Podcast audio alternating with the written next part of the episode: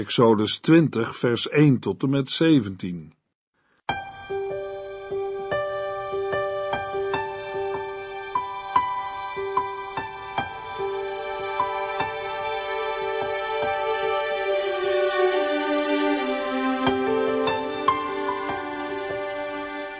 Hartelijk welkom bij De Bijbel Door, een programma van Transworld Radio. De Bijbel Door is een radioserie die u in vijf jaar meeneemt door de hele Bijbel. Van Genesis 1 tot Openbaring 22.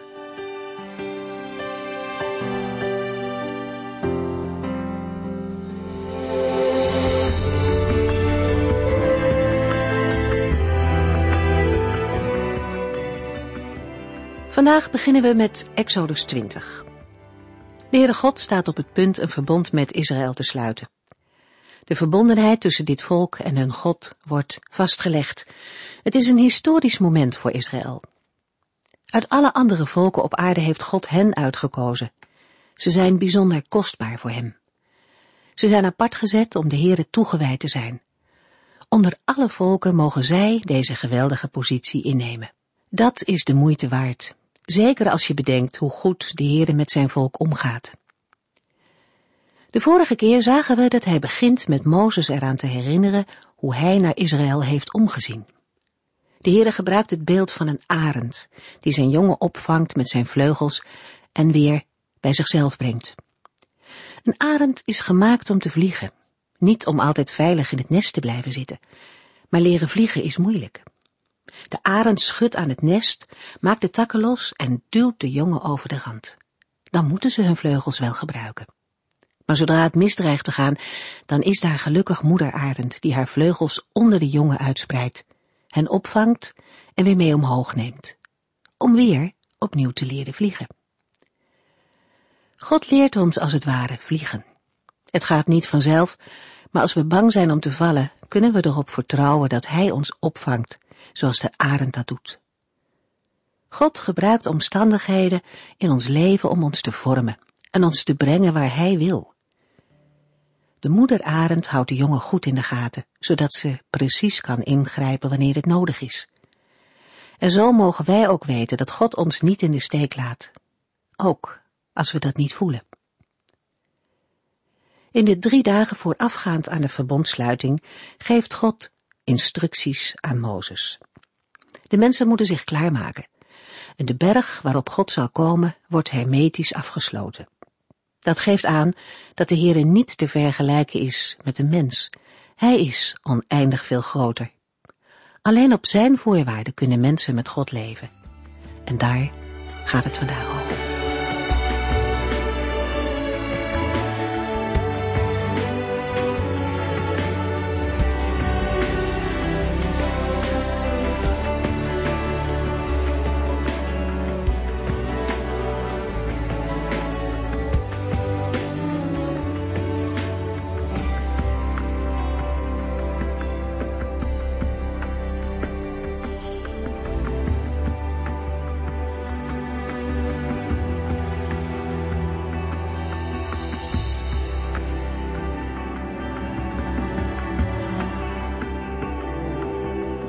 In Exodus 20 zijn we getuigen van de wetgeving. De Heer is neergedaald op de berg en begint te spreken tot het volk. Hij spreekt woorden uit die de kernregels vormen van zijn verbond met Israël. Dit zijn de geboden die dienen ter regulering van het leven onder het verbond en onvoorwaardelijk gelden.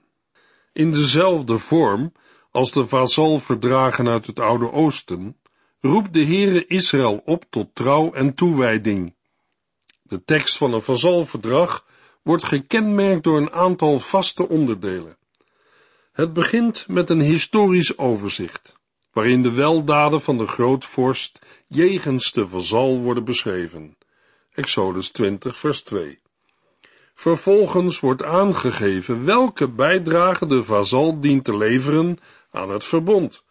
Exodus 20, vers 3 tot en met 18. De tien geboden worden als eerste gegeven, maar ze zijn maar deel van de wet. Er worden ook voorschriften over het altaar gegeven. De wet en het altaar gaan samen.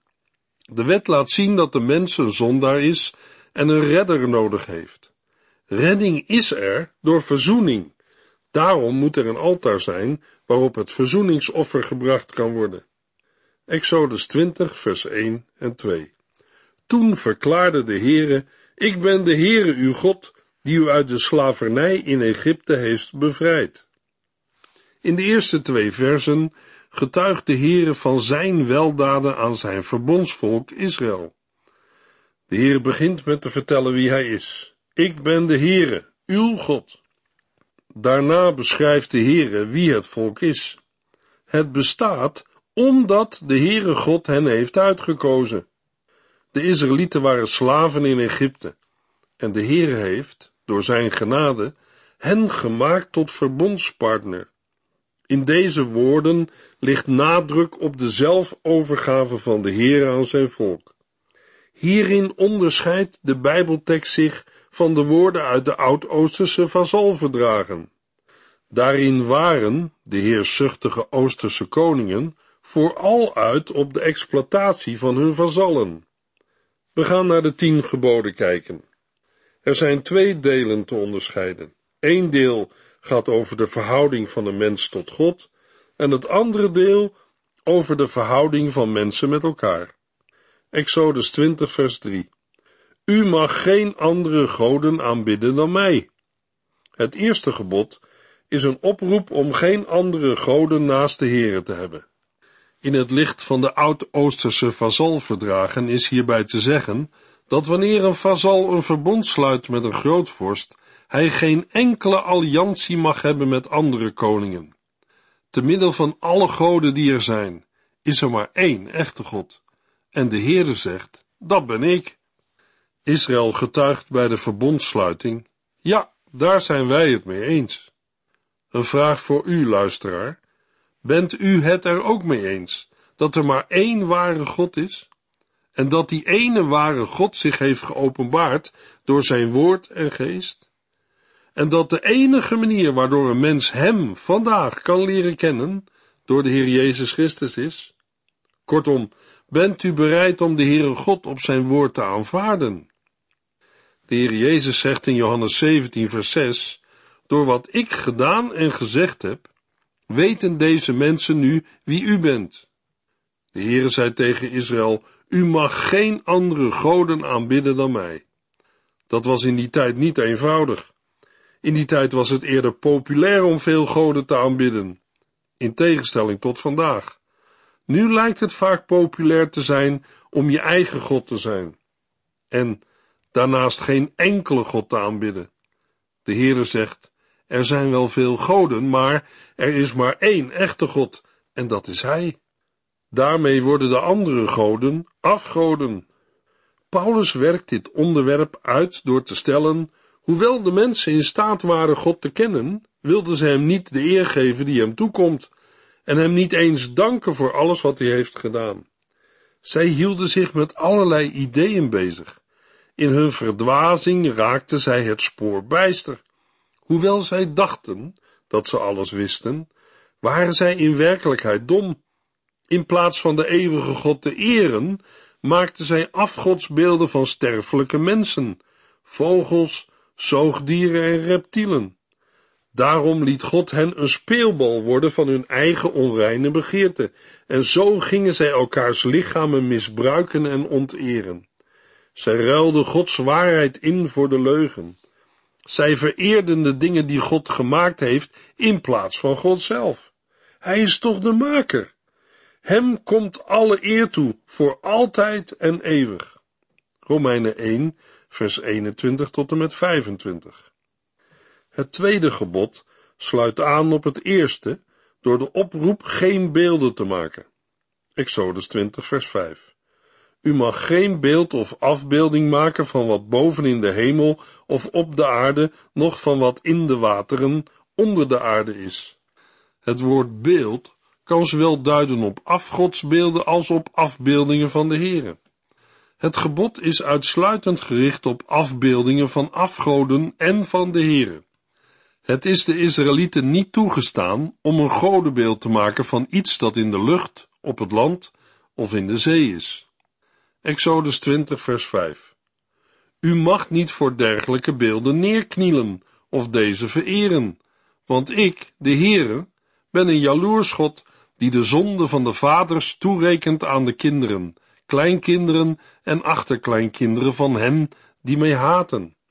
Het is Israël niet toegestaan om te buigen voor andere goden dan voor de Heere. Maar ook is God zo groot en machtig dat hij niet beperkt kan worden tot een enkele afbeelding. Het gebod wordt onderbouwd door de mededeling dat de Heere een jaloerse God is. Aan de ene kant deelt de Heere zijn eer niet met een ander, Jesaja 42 en 48, en aan de andere kant neemt hij het ook op voor zijn volk, Joel 2. Het gaat om volstrekte loyaliteit aan God als Heer van het verbond. Dat is noodzakelijk met het oog op de redding van de wereld. Israël was geroepen tot volstrekte dienstbaarheid aan de Heere. Het volk heeft hierin gefaald. Uiteindelijk zal één persoon de taak van Israël op zich nemen, de knecht des Heren, Jesaja 53. Hij zal op volmaakte wijze loyaal zijn aan de Heere God. Want ik, de Heere, die de zonde van de vaders toerekent aan de kinderen, kleinkinderen en achterkleinkinderen van hen die mij haten. De ervaring leert dat onrechtvaardig gedrag van bijvoorbeeld een vader een negatieve uitwerking heeft op het hele gezin. Overigens dient men te beseffen dat er in de voortgang van de openbaring steeds meer accent komt te liggen op de persoonlijke verantwoordelijkheid. In dit gebod worden ouders gewaarschuwd dat de gevolgen van hun zonde niet alleen henzelf betreffen, maar ook gevolgen hebben voor andere gezinsleden. Geld, drank, drugs en seks hebben hun duizenden verslagen. Alles waaraan je tijd, hart en ziel geeft, kan een afgod worden. De Heere wil de eerste plaats. Exodus 20, vers 6. Maar ik ben liefdevol voor hen die van mij houden en mijn wetten onderhouden. De Heer is liefdevol en genadig wanneer een mens hem lief heeft. Hij is immers goed voor duizend geslachten van wie hem liefhebben. Het de Heere liefhebben blijkt uit het onderhouden van zijn wetten, uit het doen wat hij zegt. Exodus 20, vers 7. U mag de naam van de Heere uw God niet zonder goede reden gebruiken, want de Heere zal degene die dat wel doet, zeker straffen. Het derde gebod waarschuwt Israël om de naam van God niet in verband te brengen met oneerlijke zaken. De naam van de Heere dient altijd met eerbied te worden genoemd. Dit is een indirecte veroordeling van het vloeken.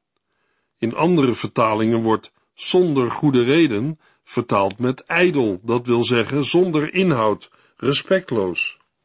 Godslastering komt helaas ook vandaag veel voor. Het is verkeerd om Gods naam zonder goede reden te gebruiken, omdat de Heer een heilig God is. Het laat ook een gebrek aan woorden zien. Veel mensen kunnen zich niet uitdrukken zonder een vloek te laten horen. Iemand vertelde in zijn getuigenis: Na mijn bekering verloor ik meer dan de helft van mijn woordenschat. Exodus 20, vers 8 tot en met 11. Onderhoud de Sabbat als een heilige dag. Zes dagen moet u werken, maar de zevende dag is de Sabbat van de Heere, een rustdag. Op die dag mag u niet werken. En dat geldt ook voor uw zonen, dochters, slaven, man of vrouw, vee en gasten. Want in zes dagen heeft de Heere de hemel, de aarde, de zee en alles wat daarin leeft gemaakt. En hij rustte op de zevende dag. Daarom zegende de Heere de Sabbat en maakte er een bijzondere heilige dag van. De afsluiting van de opsomming van geboden die het gedrag met betrekking tot de Heere regelen, is te vinden in het vierde gebod. Het handelt over de inzetting van de Sabbat. Geen enkel gebod is uitvoeriger. In Exodus 31 omschrijft de Heere de Sabbat als teken van het verbond. Mogelijk is hier een parallel aan te wijzen met verbondszegels in het oude nabije Oosten. Een grootvorst bracht op het verbondsdocument een zegel van het verbond aan. De functie van de Sabbat als teken en zegel van het verbond kan de omvangrijke plaats van de Sabbat in de tien geboden verklaren. Zoals de besnijdenis het teken van het verbond met Abraham was, zo is de Sabbat het teken van het verbond met Mozes.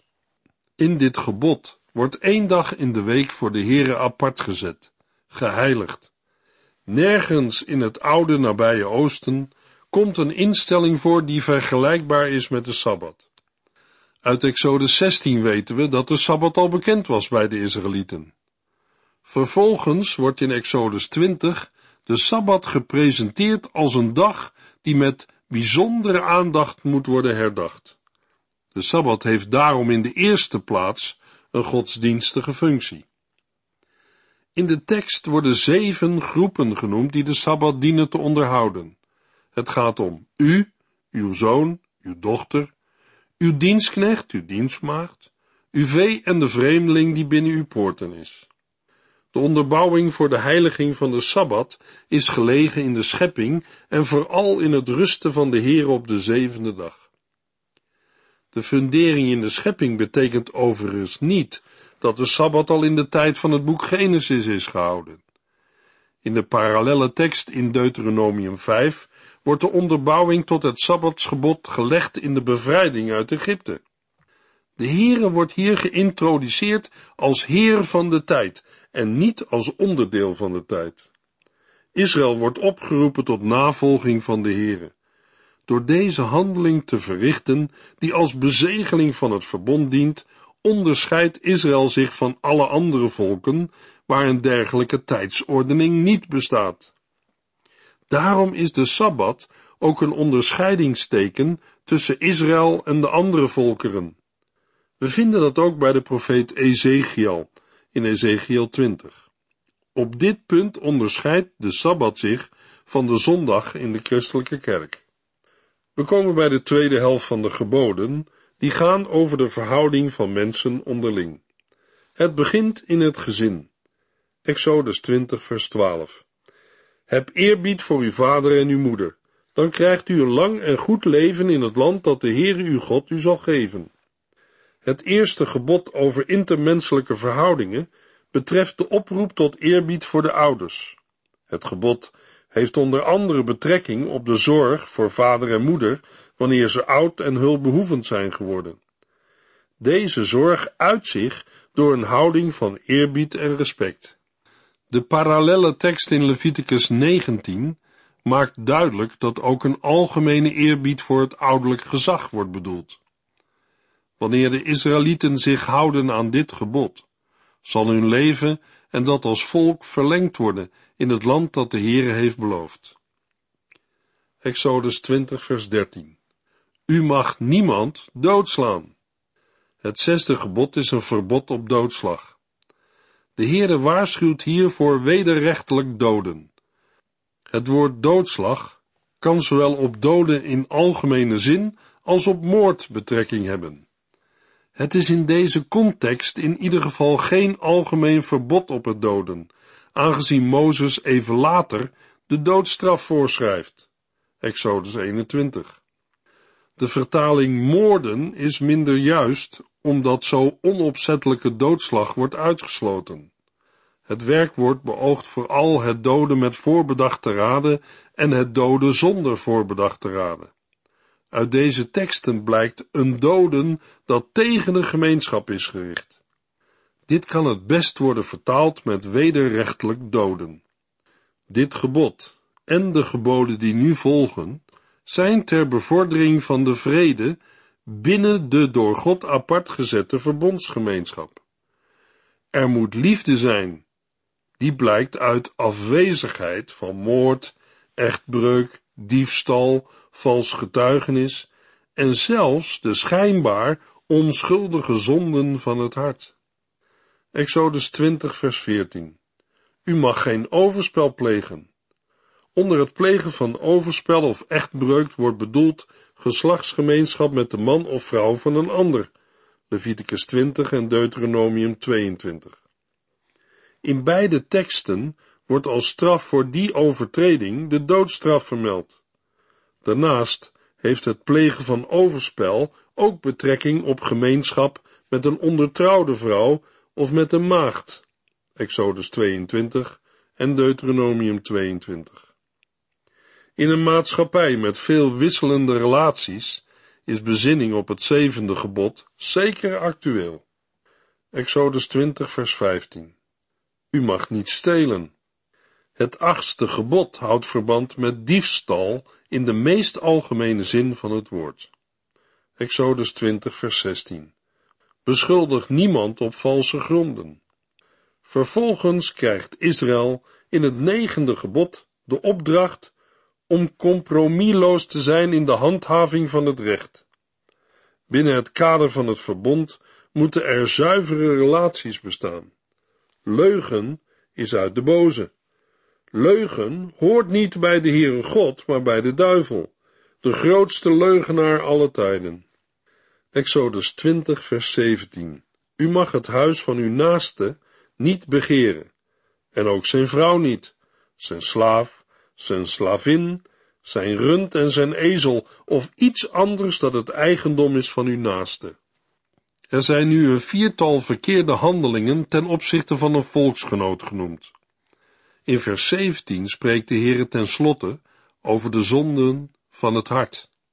De uitdrukking begeren duidt op een onbeheerst en zelfzuchtig verlangen. Het woord begeren heeft soms een positieve betekenis in de zin van plezier hebben in. Psalm 68 en Jesaja 53. In Exodus 20 vers 17 komt de negatieve betekenis voor. Er is sprake van een obsessief verlangen dat tot een bron van kwade voornemens voert. Zo'n verlangen hoeft niet onmiddellijk tot handelingen te leiden. Een obsessief verlangen kan ook vertaald worden met jaloezie. In Colossense 3 vers 5 lezen we, door altijd maar meer te willen hebben, aanbidt u een afgod. In alle tijden hebben christenen zich afgevraagd of de oud-testamentische wetten voor hen nog geldig zijn. De Heer Jezus zelf erkent de wet, Matthäus 5 vers 17. Christus leert zijn leerlingen om te leven volgens de geest van de wet. Hij brengt de wetsregels terug tot hun essentie, samengevat in twee geboden. God liefhebben boven alles en de naaste als jezelf. In dit licht moeten de vele voorschriften van het Nieuwe Testament worden geïnterpreteerd. Christus en de apostelen bevestigen in hun ethiek vele belangrijke bepalingen uit het Oude Testament. Evenals bij de oud-testamentische geboden gaan ze uit van principes die voor alle tijden gelden. De oproepen om geen overspel te bedrijven en om niets van de ander te stelen zijn universeel. Israël en de gemeente zijn geroepen om steeds opnieuw deze beginselen na te leven. Uit het boek Genesis valt op te maken dat bepaalde normen al golden voordat de wet op de Sinai wordt gegeven. De doodslag door Kain, de dronkenschap van Noach, de halve leugen van Abram en zijn vrouw en het bedrog van Jacob worden afgewezen, zonder dat er duidelijke verboden zijn gegeven. De Heere vraagt gedrag van zijn kinderen dat hij passend vindt. De vormgeving van de wetten kan in verschillende perioden variëren. Maar een mens heeft te beantwoorden aan de normen en waarden van de Heere. Goddelijke normen die een blijvende geldigheid hebben. Het is onterecht om de oud-testamentische wet op te vatten als een hoeveelheid regels die een mens uitsluitend bepalen bij zijn eigen zonden. Zonder afbreuk te willen doen aan deze bijbelse gedachte, moeten we wel bedenken dat de oorspronkelijke bedoeling van de wetgeving anders is. Zij is een door God gegeven middel om Hem toegewijd te zijn. De context waarin de oud-testamentische wetsteksten staan, maakt deze positieve functie van de wet zichtbaar. De geschiedenis van de wetgeving aan de Sinai wordt voorafgegaan door de bevrijding uit de slavernij in Egypte. Na de uittocht volgt de verbondsluiting. Een onderdeel hiervan is de overhandiging van de wet. De plaatsing van de wetgeving na de bevrijding uit de slavernij van Egypte heeft iets te zeggen over de functie van de wet. De wet wordt niet gegeven als een voorwaarde voor de bevrijding uit de slavernij. Eerst betoont de Heere zijn genade aan de Israëlieten en daarna ontvangen zij de wet. Dit kan ook worden betrokken op de christelijke gemeente. Net zoals Israël kan een christen de bevrijding en het verbond niet verdienen door de wet te houden. Gods genade gaat aan alles vooraf. Het feit dat de wet geplaatst is na bevrijding en verbond, betekent dat de Israëliet middelen krijgt om de ontvangen vrijheid te behouden. Dit mag hij gaan doen wanneer hij het beloofde land binnentrekt. Daarin is een parallel aanwijsbaar met de positie van een christen. De Heere komt eerst met zijn bevrijding, die tot stand is gebracht op Golgotha. Vervolgens roept hij de gelovigen op tot een nieuwe gehoorzaamheid en levenswandel. Romeinen 6 vers 4. De wet is na het apostelconvent in Handelingen 15 niet meer volledig geldig voor de nieuwtestamentische gemeente uit de volken. De wet was een middel voor Israël om Gods genade te laten zien, maar niet iets waaraan de kerk zich in alle bijzonderheden dient te houden.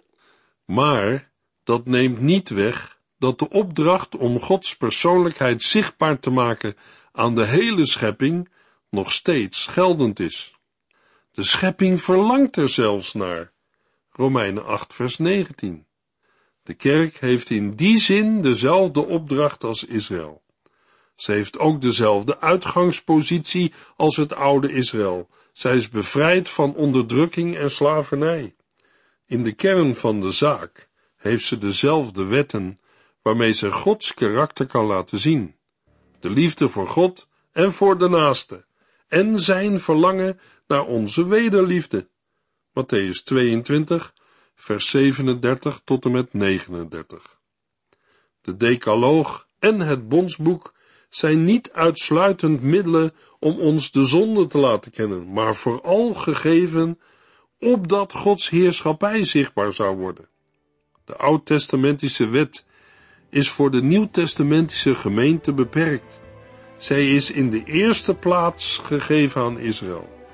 Maar aan de oud-testamentische wet liggen beginselen ter grondslag die vandaag wel degelijk kunnen worden toegepast.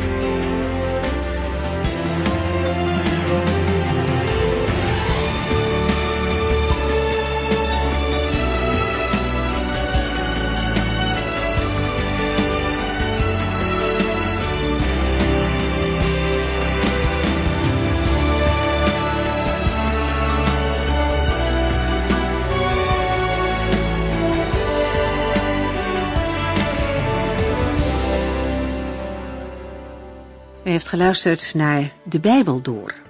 In het Nederlands vertaald en bewerkt door Transworld Radio. Een programma waarin we in vijf jaar tijd de hele Bijbel doorgaan. Als u wilt reageren op deze uitzending of u heeft vragen, dan kunt u contact met ons opnemen. Tijdens kantooruren kunt u bellen op 0342 47 8432. 0342 47 8432. 32. Ook kunt u een e-mail sturen naar de Bijbel transworldradio.nl en natuurlijk kunt u ook via de post ons bereiken. TWR, postbus 371, postcode 3770, AJ in Barneveld. Dit programma werd gepresenteerd door Cor Weda en Ike André. Techniek was in handen van Odin van Woerdekom. En wij allemaal bedanken u voor het luisteren. Graag tot de volgende keer.